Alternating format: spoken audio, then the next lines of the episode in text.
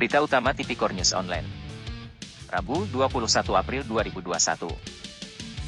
Bongkar rekayasa laporan pertanggungjawaban realisasi dana desa Nyukang Harjo sebesar 1,4 miliar rupiah.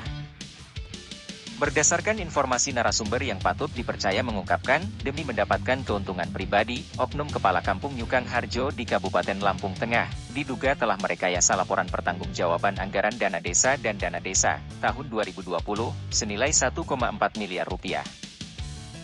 Guna menutupi tindakan korupsinya, hal tersebut dilakukan Oknum Kepala Kampung Nyukang Harjo. Sejak satu tahun terakhir ini dirinya dipercaya memimpin desa tersebut.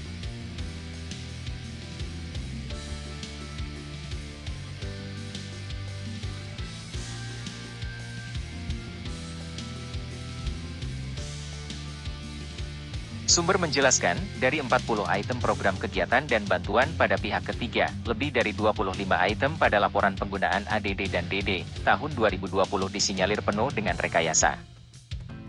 Adapun modus rekayasa SPJ atas penggunaan anggaran dana desa dan dana desa tahun 2020, Oknum Kepala Kampung Nyukang Harjo, diduga kuat mencantumkan item kegiatan dan bantuan kemasyarakatan, serta bantuan operasional Ketua LPMK Linmas, dan BPK serta lainnya yang tidak ada kegiatan.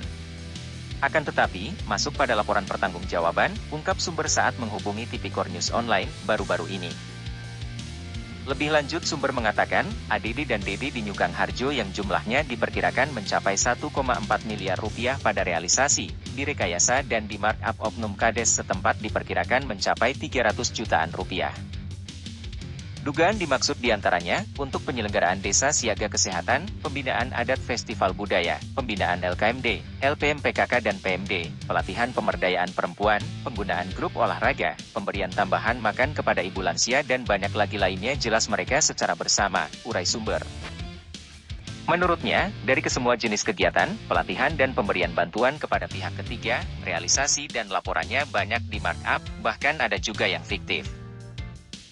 Bagaimana kelanjutan berita ini selengkapnya, dan mau tahu tanggapan Kepala Desa Nyukang Harjo Budiono atas pemberitaan ini, tunggu edisi mendatang.